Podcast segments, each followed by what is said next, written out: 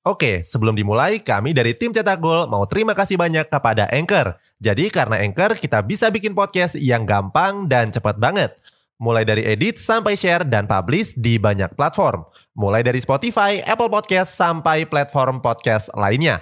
Aplikasi Anchor ini gratis, bisa di-download di App Store dan Play Store, atau kamu juga bisa akses di website www.anchor.fm. Jadi sekali lagi terima kasih kepada Anchor yang bikin Cetak Gol punya podcast yang bisa kamu dengarkan sekarang. Sejumlah klub top Eropa berhasil mempertahankan eksistensinya di divisi teratas liga. Akan tetapi sebagian lainnya justru mengalami nasib yang berbeda. Mereka yang pernah mendominasi justru tersingkir dan kini harus berjuang di divisi bawah. Cetak Gol coba merangkumnya sebagai berikut.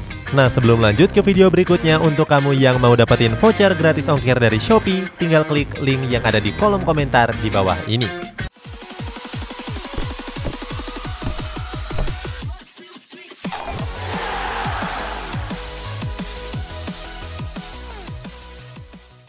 FC Salke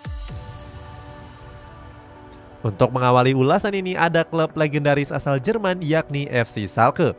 Klub yang berjuluk The Royal Blue ini terdegradasi dari Bundesliga pada musim lalu. Salke dipastikan turun kasta setelah menghadapi lawan mereka yakni Armenia Bielefeld. Saat itu, Salke pun dipastikan finish di peringkat 17 klasemen Bundesliga. Dengan empat laga yang tersisa, Salke mustahil mengejar Hertha Berlin di posisi 16 yang punya selisih 13 poin. Kegagalan Salke dalam bertahan di Bundesliga membuat pendukungnya mengamuk. Saat itu, ratusan pendukung berkumpul di markas Salke yakni Veltins Arena. Mereka menunggu para pemain Salke yang sebelumnya dikalahkan oleh Bielefeld. Para pendukung melakukan aksi protes dan menuntut sejumlah pemain Salke untuk pergi. Mereka juga melontarkan sumpah serapah yang membuat suasana semakin mencekam. Gak cuma melakukan aksi protes, mereka juga melakukan aksi-aksi yang anarkis. Saat itu mereka melempari bis yang ditumpangi para pemain dengan telur. Beberapa pemain Salke berlari menyelamatkan diri dari amukan para pendukung. Sementara beberapa lainnya bernasib sial dengan menerima pukulan dan tendangan. Apa yang dialami oleh Salke berbanding terbalik dengan apa yang terjadi satu dekade yang lalu. Pada musim 2010-2011 yang lalu, Salke pernah tampil apik dan melaju ke semifinal Liga Champions. Saat itu, Salke masih diperkuat oleh sejumlah pemain bintang mulai dari Joel Matip, Christoph Metzelder, Raul Gonzalez sampai penjaga gawang utama Bayern Munchen saat ini, yakni Manuel Neuer. Fulham Berikutnya ada klub besar asal daratan Inggris yakni Fulham. Klub yang dikenal dengan julukan The Cottagers ini terdegradasi dari Premier League pada musim lalu. Degradasi ini ditandai oleh kekalahan Fulham pada pertandingan pekan ke-35. Saat itu, Fulham yang menjamu Burnley di Craven Cottage dipaksa menyerah dengan skor 0-2.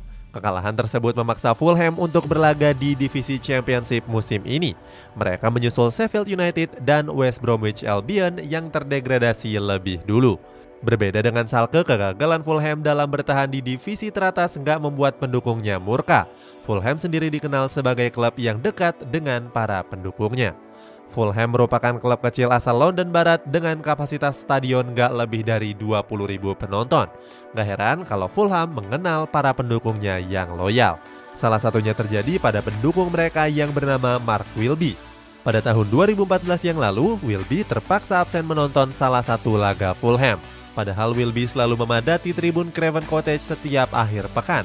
Dia yang menghilang pada laga tersebut ternyata sedang melangsungkan pernikahan.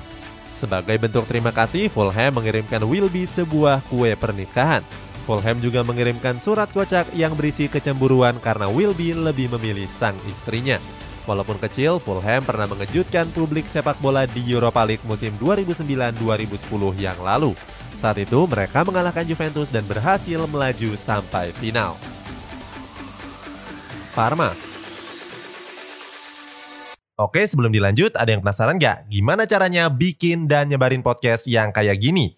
Nah, ini karena tim cetak gol pakai Anchor. Mulai dari rekaman, edit suara, tambah lagu, sampai drag and drop bisa kita lakukan sendiri pakai Anchor.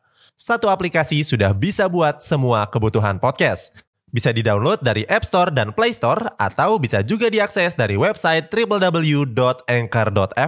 Terus yang terpenting, Anchor ini gratis Download dan coba sendiri setelah tonton episode ini. Selanjutnya ada klub bersejarah asal Italia yakni Parma.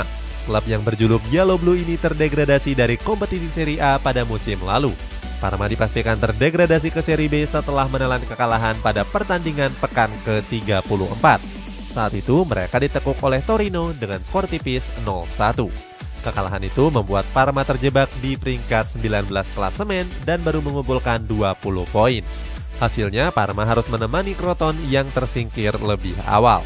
Parma pernah mencapai masa kejayaannya pada era 1990-an. Saat itu, skuad Yellow Blue berhasil meraih berbagai prestasi, bahkan di berbagai kompetisi Eropa. Saat itu, mereka berhasil menjuarai Piala Super Eropa, Piala Winners UEFA, Piala UEFA, Piala Italia sampai Piala Super Italia. Leheran kalau Parma tergabung dalam jajaran elit Italia. Keberhasilan Parma juga dicapai lewat sederet pemain terbaik pada masa tersebut, mulai dari Gianfranco Zola, Fabio Cannavaro, Gianluigi Buffon, Hernan Crespo, dan masih banyak lagi. Sayangnya, skandal Calciopoli pada tahun 2006 membuat sepak bola Italia terguncang. Hal ini juga meruntuhkan dominasi jajaran elit Italia, termasuk Parma. Selain itu, perusahaan pemilik Parma yakni Parmalat mengalami skandal penggelapan uang – pada akhirnya Parmalat gagal bertahan dan harus gulung tikar. Hutang yang mencekik membuat Parma kesulitan untuk bangkit. Parma bahkan harus ikut melelang 8 dari 10 trofinya. Sayangnya pada akhirnya Parma tetap bangkrut dan harus mengulang semuanya dari nol. Werder Bremen Kemudian ada klub asal Jerman yakni Werder Bremen. Klub yang berjuluk di Werder Runner ini harus turun ke Divisi 2 Liga Jerman pada musim lalu. Werder Bremen menandai harus tersingkir pada pekan terakhir Bundesliga musim 2020-2021. Saat itu mereka dikalahkan oleh Borussia Mönchengladbach dengan skor 4-2. Atas kekalahan tersebut, Werder Bremen finish di peringkat 17 klasemen dengan perolehan 31 poin. Hasilnya, Werder Bremen harus menemani Salke dan Koelen yang juga terdegradasi. Hal ini memutus rekor Werder Bremen yang belum terdegradasi sejak 42 tahun terakhir. Sebelumnya mereka terdegradasi pada tahun 1980 saat kompetisi cuma diikuti oleh tim-tim dari Jerman Barat. Pada era 2000-an, tepatnya pada musim 2003-2004, Werder Bremen pernah mengejutkan publik sepak bola Jerman. Saat itu mereka berhasil keluar sebagai juara Bundesliga. Werder Bremen meraih gelar juara setelah mengungguli Bayern Munchen dengan selisih 6 poin. Menariknya, mereka memastikan dan merayakan gelar juaranya di kandang Bayern Munchen. Saat itu Werder Bremen berhasil menjebol gawang Oliver Kahn sebanyak 3 gol. Sementara Bayern Munchen cuma bisa membalas satu gol lewat sepakan dari Roy Makai. Kesuksesan ini seakan jadi dongeng bagi sang pelatih Thomas Kapp. Pasalnya, Kapp menghabiskan seluruh hidupnya mulai dari akademi, menjadi pemain, gantung sepatu, sampai jadi pelatih di Werder Bremen.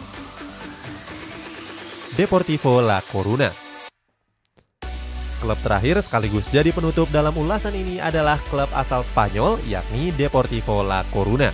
Klub yang berjuluk Super Depor ini mulai terdegradasi dari La Liga pada musim 2016-2017 yang lalu. Sebelumnya, Deportivo meraih kesuksesan besar pada periode 2000-an. Mereka berhasil keluar sebagai juara di musim 1999-2000 dan berada di posisi 3 sampai 4 musim yang berikutnya. Salah satu pencapaian terbaik dari Deportivo terjadi pada Champions League musim 2003-2004 saat itu, mereka berhasil menekuk dua raksasa Italia yakni Juventus dan juga AC Milan. Laga melawan AC Milan bahkan dikenal sebagai salah satu laga pembalasan terbaik. Deportivo yang sebelumnya dikalahkan 4-1 di Milan, sukses berbalik unggul dan menang 4-0 di kandang. Sayang langkah mereka terhenti di babak semifinal setelah kalah agregat dari FC Porto asuhan Jose Mourinho. Sejak saat itu Deportivo terus terpuruk dan saat ini cuma bisa berlaga di divisi 3. Itulah sejumlah klub besar Eropa yang kini berjuang di divisi bawah. Apakah mereka bisa bangkit dan mengulang masa kejayaannya lagi? Coba tulis pendapatmu di kolom komentar di bawah ini.